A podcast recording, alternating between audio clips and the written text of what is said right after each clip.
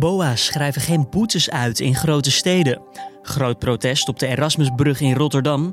En hoe staat het met de corona-aanpak in Zweden? Dit wordt het nieuws. Noorwegen die hebben tien keer minder sterfgevallen dan Zweden.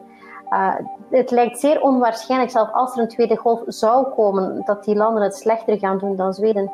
Uh, dus dat, die cijfers dringen nu ondertussen ook wel door bij de bevolking. Zweden kent geen lockdown. Het leven gaat daar voor zoveel als mogelijk gewoon door, zoals voor de coronacrisis. Cafés blijven open en kinderen gaan gewoon naar school.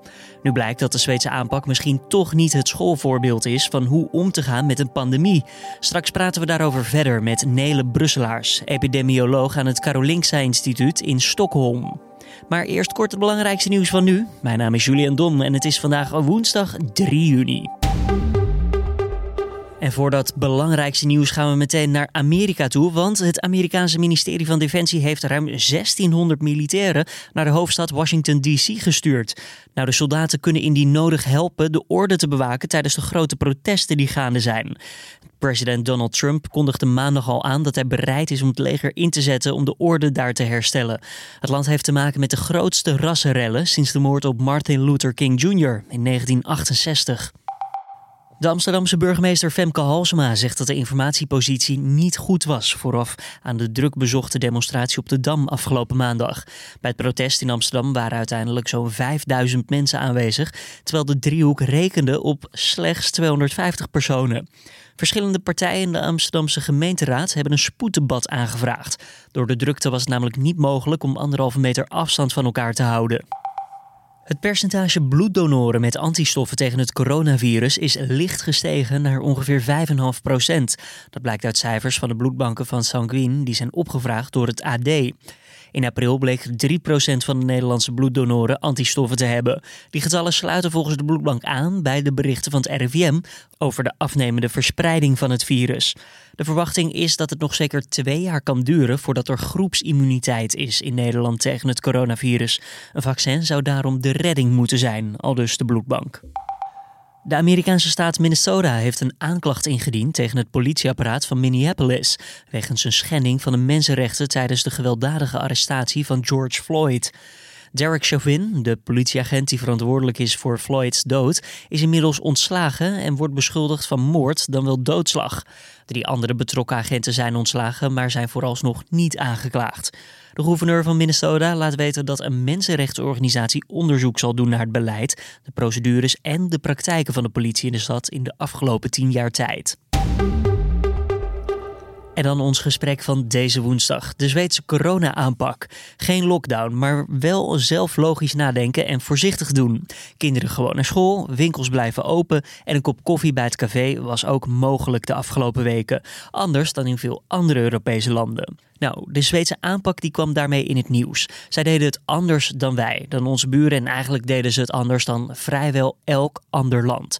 Nu we inmiddels in juni zitten, kunnen we die aanpak bespreken en even de rekening opmaken. Want hoe doet Zweden het na al die tijd in vergelijking met die andere Europese landen? En daarvoor bel ik met de Vlaamse Nele Brusselaars. Zij is epidemioloog aan het Karolinska Instituut in Stockholm. Nou, om te beginnen, mevrouw Brusselaars, um, ja, toch nog even dat verschil van aanpak in Zweden met ons en uh, ja, misschien ook enkele overeenkomsten. Kunt u dat toelichten? Wel, Zweden heeft van in, het begin van de outbreak in Europa een zeer matige aanpak gehad. Uh, dus ze hebben eigenlijk heel weinig uh, richtlijnen opgelegd. Ze hebben een aantal, ja, eigenlijk richtlijnen gegeven, maar geen restricties. Ze hebben bijvoorbeeld gezegd in het begin van um, gatherings, dus samenkomsten van meer dan 500 mensen waren verboden. Dat hebben ze daarna wel verstrengd naar 50 mensen. Uh, ze hebben begin april verbod, uh, of ja, uh, bezoek aan de rusthuizen, dus de ouderenzorg, afgeraden. Niet compleet gesloten, maar afgeraden. Uh, en ze hebben ook, de restaurants en, en, bars en disco's en zo zijn open gebleven, maar ze hebben wel gezegd dat je niet aan de toog mag bestellen, je moet aan tafel besteld worden. Oftewel niet aan de bar is dat, hè? Als ik dat, ja, niet aan de bar, ja. ja een Vlaamse en een Nederlandse vertaling uh, ertussendoor. Ja. ja. Oftewel, de, eigenlijk de economie bleef grotendeels draaiende daar in Zweden, bleef grotendeels open voor het normale leven. Uh, er werd ook wel aangeraden om thuis te werken. Dus heel veel mensen hebben, zijn wel begonnen met thuis te werken. Uh, de mensen in mijn team werken ook allemaal thuis. Dus heel veel mensen zijn dus volledig naar home office gegaan. Uh, dus er wordt wel, een deel van de bevolking volgt wel de richtlijnen, de meer internationale richtlijnen wel strikter op. Uh, maar is inderdaad niet echt gesloten. De scholen zijn opengebleven, uh, de universiteiten zijn opengebleven. Uh, de, Oké, de grote lessen voor de studenten zijn wel online gegaan. maar alle kinderen gingen ook naar school, moesten zelf naar school. Dus zelf als kinderen ziek waren, moesten ze naar school gaan, moeten ze naar school gaan.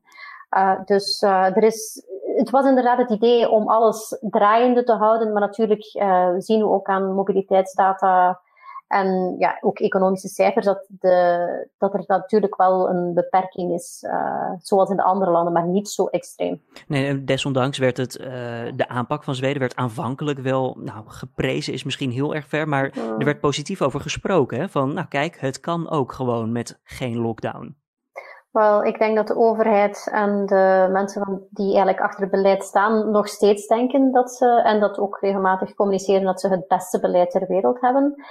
Uh, maar ik heb daarnet nog naar de cijfers gekeken. Ondertussen zijn de aantal overlijdens uh, per capita, dus per aantal inwoners, ondertussen ook al hoger dan in Nederland. Uh, dus we zitten sowieso in de top en momenteel zelf het hoogste aantal overlijdens per dag uh, per capita ja, in de wereld. Betekent dat dan ook dat inmiddels de stemming een beetje gedraaid is als je dit vraagt aan de bevolking in Zweden? Dus vinden zij inmiddels ook van, nou misschien ja. was dit toch niet de beste aanpak? Uh, ik heb vooral het gevoel dat de mensen minder vijandig reageren uh, wanneer er kritiek komt. Want ik was, ik was uh, de voorbije maanden wel uh, enorm verbaasd hoe vijandig dat mensen reageerden als er vragen gesteld waarom worden de internationale richtlijnen niet opgevolgd. Dus dat is nu wel iets minder. Oftewel, dus ze waren beschermend voor het regeringsbeleid. Ja, en dus, dus, dus een heel groot deel van de bevolking steunt nog steeds de, de huidige aanpak. Maar ja, we zien ook natuurlijk wel dat, er, dat de overlijdensaantallen wel heel hoog zijn. En het lijkt zeer onwaarschijnlijk dat de andere landen, uh, zoals Noorwegen, die hebben tien keer minder sterfgevallen dan Zweden. Uh, het lijkt zeer onwaarschijnlijk, zelfs als er een tweede golf zou komen, dat die landen het slechter gaan doen dan Zweden. Uh, dus dat, dat, die cijfers dringen nu ondertussen ook wel door bij de bevolking. Ja, ik, en ook dat er enorm veel dingen... die cijfers, uh, u had het ook op Twitter gezet, 4000 doden inmiddels in Zweden. Maar als we dan naar omringende landen kijken, bijvoorbeeld 600 in Denemarken, 300 in Finland en zelfs nog minder in Noorwegen. En ja, die groep, de Scandinavische landen, daar zou je denken, daar kunnen we een vergelijking maken. Zweden dan geen lockdown en de andere wel in beperkte, beperkte vorm. Ja, en in de andere landen hebben ze ook enorm ingezet op testing. Uh, hier in Zweden is die testing nog steeds niet echt uh, wijdverbreid, ondanks de capaciteit. Uh, ook bij ons in de universiteit, in ons onderzoekslabo, is er testingcapaciteit. Die wordt nauwelijks gebruikt. Waar ligt dat dan aan? Dus Willen mensen niet getest worden? Uh, het is vooral het beleid van de overheid. Uh, dus, uh, want zij hebben ook heel lang volgehouden van nee, enkel risicopatiënten worden getest. dus er is een zeer restrictief beleid om te testen. Um, en het wordt ook heel vaak gecommuniceerd door mensen van de overheid dat de cijfers niet belangrijk zijn. Ze gebruiken precies cijfers als het in hun verhaal past. Gebruiken ze het. Hetzelfde met de vergelijking met andere landen. Als het in ze, de overheid hier in Zweden en de autoriteiten vergelijken heel graag met bijvoorbeeld België. Maar ze gaan het zelf niet vergelijken met de andere Scandinavische landen die wel vergelijkbaarder zijn. Want er zijn eigenlijk geen grote verschillen met de, tussen de, de andere uh, ja, Scandinavische landen. Want populatiedensiteit, um, aantal gevallen, wanneer dat allemaal begonnen is, is allemaal zeer gelijkaardig. Maar daar zal de overheid uh, zeer weinig vergelijkingen trekken. Maar als de overheid zo uh, nou ja, positief is, zo hou, zoveel houvast, uh, zo, zo standvast is in, in hun beleid, is er dan niet een oppositie die zegt van nou, volgens mij pakken we dit helemaal verkeerd aan en laat van je horen, want dit kan zo niet langer? Ja, dus uh, die stemmen zijn er. Uh, al van begin maart uh, zijn er ongeveer 2000 onderzoekers die een petitie getekend hebben. Er zijn onderzoekers die proberen hun stem te laten horen. maar nu, het, die kritiek kan blijkbaar alleen via de media, via de internationale media, want er is geen open wetenschappelijk debat. niet binnen de universiteiten, niet binnen de autoriteiten. er is dus één groep van ja, onderzoekers of ja, beleidsmakers die achter dit beleid staat. En er is zeer weinig uh, ja, debat. helaas, nog steeds. Voelt u zich dan veilig daar in Zweden en uw collega's? Want ja, als, zeker gezien uw vak, u weet waar u over praat, neem ik aan. Ja, uh, nu is het. Nu voel ik mij weer ja, toch iets meer op mijn gemak dan twee weken geleden. Uh, want ja, de, ik, ik, ik was er enorm van verbaasd dat er zo'n vijandige situatie was. Uh, want ook zelf collega's uh, vielen mij aan op sociale media. Ik ben ook aangevallen geweest, ja, via telefoon wel, maar via iemand die zich voordeed als een journalist, over de leugens die ik verspreidde. Um, mijn ja, collega's op het werk ook, tijdens vergaderingen hebben ze mij gevaar voor de samenleving genoemd en zo. Gewoon omdat ik eigenlijk opkwam voor de veiligheid van de studenten binnen ons departement. En ja, dat had ik echt niet verwacht hier in Zweden.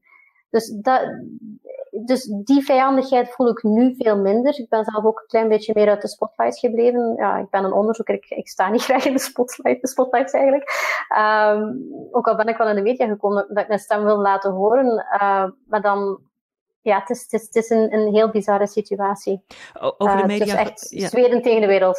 Over de mm. media gesproken dan, hoe is de berichtgeving in Zweden over de corona-aanpak? Is die dan pro-regering of meer uh, trekken zij wel de vergelijking met de internationale aanpak?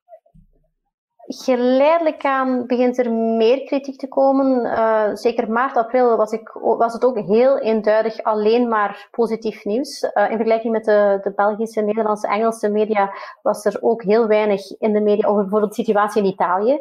Uh, dus ook heel weinig rapporten van. Er wordt ook niet echt in de media gezichten gezet op de mensen die overleden zijn. Dus ik vond het nogal een zeer eenduidig verhaal. Maar nu meer en meer komt er kritiek. Ook nu dat er ook meer en meer hoe zeggen ze dat? Uh, ja, dingen die niet zo heel uh, duidelijk en ja, dus de miscommunicatie wordt meer. De, journalisten durven nu ook meer vragen te stellen, blijkbaar. Dus er zijn ook meer kritische journalisten. Er worden vragen gesteld, want ja, de autoriteiten hebben een aantal claims gemaakt van, oh, er is zoveel immuniteit, die is er niet. Uh, er gaan nooit zoveel doden zijn, die zijn er wel. het is gedaan, de, de pandemie is gedaan, en was toch niet gedaan. dus er zijn enorm veel dingen waar dat de journalisten nu wel kunnen opspelen. Dus ze beginnen, er begint meer kritische noot te zijn. De internationale media is meer kritisch geweest, al van heel lang. Maar dan eh, de Zweedse autoriteiten die, uh, die zeiden dan dat dat fake, fake news was. Uh, dus ik vond dat zeer bizar dat dan dat in Zweden, ze zeiden dat The Guardian bijvoorbeeld echt wel een, een topkrant uh, fake news verspreidt. Um, dus inderdaad, maar zeker ook de media in de, de buurlanden, dus Zweden, Finland, Denemarken, zijn absoluut niet mals voor de Zweedse aanpak. Uh, er is een, de buurlanden reizen, mogen allemaal in de andere landen binnen, maar ze mijden de Zweden, want uh, de Zweden, ja, er zijn veel meer infecties hier, er is minder controle op de uh, pandemie. Dus de andere uh, Scandinavische landen uh, hebben zich precies ook allemaal samen tegen Zweden gekeerd. Ja, in, veel dus- Europese landen merk je nu ook dat de eerste beperkingen worden opgegeven, als het ware. maatregelen die worden iets versoepeld. Ja, in hoeverre is ja. daar in Zweden dan nu sprake van? Want er waren al nou, vrij weinig maatregelen. Is er wel een ja. verandering in de loop der weken gekomen of is die nu zichtbaar? Uh, dus nu hebben ze wel gezegd dat er weer iets verder mag gereisd worden, maar ja, de besmettingen zijn nog altijd hoger dan in de andere landen waar dat de, de lockdown verminderd was. Dus Daarom ja. hier, ja, hier, ik zou het zelf nog niet, ja, ik zie het zelf, voor mijzelf ga ik het echt nog niet gewoon normaal uh, leven hervatten, uh, want het risico op infectie is nog veel te groot. Um, dus, want ja, inderdaad, heel veel mensen blijven thuis. Dus ja, van het moment dat de mensen die social distancing gaan verminderen, vrijwillig of opgelegd, ja, dan gaan die infecties terug omhoog gaan. Uh, dus de cijfers, uh, vorige week hoorde ik nog dat de cijfers in Uppsala en Göteborg terug omhoog aan gaan waren, het aantal besmettingen. Um, ja, dus of dat het nu vrijwillig of opgelegd is, die isolatiemaatregelen waren niet zo drastisch als in andere landen. Dus de infecties is ook nog ja, veel minder onder controle dan in de andere landen. Dus hoe lang gaat deze situatie duren? Geen idee. Um, dus, maar uiteindelijk, ja. we hebben het einde van de, van de epidemie in Zweden dan nog niet gezien, denkt u? Nog niet, um, nog niet. Dus als nu iedereen massaal gewoon terug leven zou hervatten, iedereen terug uh, openbaar vervoer zou nemen en terug zou gaan werken, is er sowieso uh, een, een stijging van het aantal infecties. En hier wordt nu ook geleidelijk aan meer en meer gesproken van, ah ja, er zal een tweede golf zijn. Terwijl dat heel veel landen zich nu volop aan het voorbereiden zijn als de infecties terug zouden stijgen, om het onmiddellijk terug de kop in te drukken. Door testing, door tracing, terwijl hier gaan ze vanuit, ah ja, maar die tweede golf komt er, sowieso. En dus zelfs daar willen ze zich precies niet echt op voorbereiden. Um, helaas. Nele Brusselaars, epidemioloog aan het Karolinska Instituut in Stockholm. Hartstikke bedankt voor deze toelichting. Dan nog even de nieuwsagenda voor deze woensdag. Nou, buitengewoon opsporingsambtenaren, oftewel BOA's, in Amsterdam, Rotterdam, Den Haag en Utrecht zullen vandaag opnieuw geen boetes uitschrijven. Dat doen ze uit protest tegen het geweld waarmee ze te maken hebben. De BOA's voeren actie omdat ze vinden dat ze moeten kunnen beschikken over verdedigingsmiddelen. En dan moet je denken aan een wapenstok en pepperspray. Naar aanleiding van enkele incidenten waarbij er geweld werd gebruikt tegen de BOA's die handhaafden op de coronamaatregelen, nam de onvrede onder de handhavers toe. En na Amsterdam, Groningen en Den Haag wordt er vandaag gedemonstreerd in Rotterdam. De organisatie roept mensen op om zich solidair te verklaren met de demonstranten in de VS en zich uit te spreken tegen institutioneel racisme in Nederland en Europa. In eerste instantie was het Schouwburgplein in het centrum de locatie voor het protest, maar daar mochten volgens burgemeester Abu Talib maar slechts 80 mensen komen. Nu wordt er daarom gedemonstreerd op en bij de Erasmusbrug. Daar moet voldoende ruimte zijn voor duizenden betogers die tegelijkertijd ook genoeg afstand van elkaar kunnen houden. En rond vanmiddag 2 uur komt de HMM Algeciras aan in de Amaliahaven in Rotterdam. Het schip is 400 meter lang en 61 meter breed en daarmee momenteel het grootste containerschip ter wereld. Verder heeft de Algeciras ook het record verbroken als het gaat om de grootste containerlading, namelijk 19.621 teu. En om je een beetje een beeld te geven dan van wat is een teu eigenlijk, hè? hoe ziet dat eruit? Nou, één teu is één zo'n langwerpige container. En dan heb ik het over die containers die je misschien kent van de foto's van dit soort containers geven of foto's van bijvoorbeeld de haven in Rotterdam.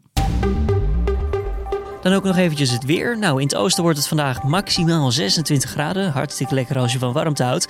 De kust die moet het doen met temperaturen tot 18 graden. Vandaag is er een mix van zon en wolken. Het blijft vooral droog. Alleen in Limburg is er een kans op een bui. En wellicht gaat het gepaard met wat onweer. En voor de hooikoortspatiënten wordt vandaag weer niet een heel goede dag. Er zijn namelijk wederom, net zoals gisteren, veel tot extreem veel pollen in de lucht. Om af te sluiten nieuws over de Formule 1. Ja, Formule 1-baas Chase Carey heeft namelijk uitgesloten dat de Grand Prix worden afgelast als een coureur of een ander teamlid gedurende dat weekend positief test op het coronavirus. Ook zegt Carey te hopen dit jaar alsnog 15 tot 18 races te kunnen rijden.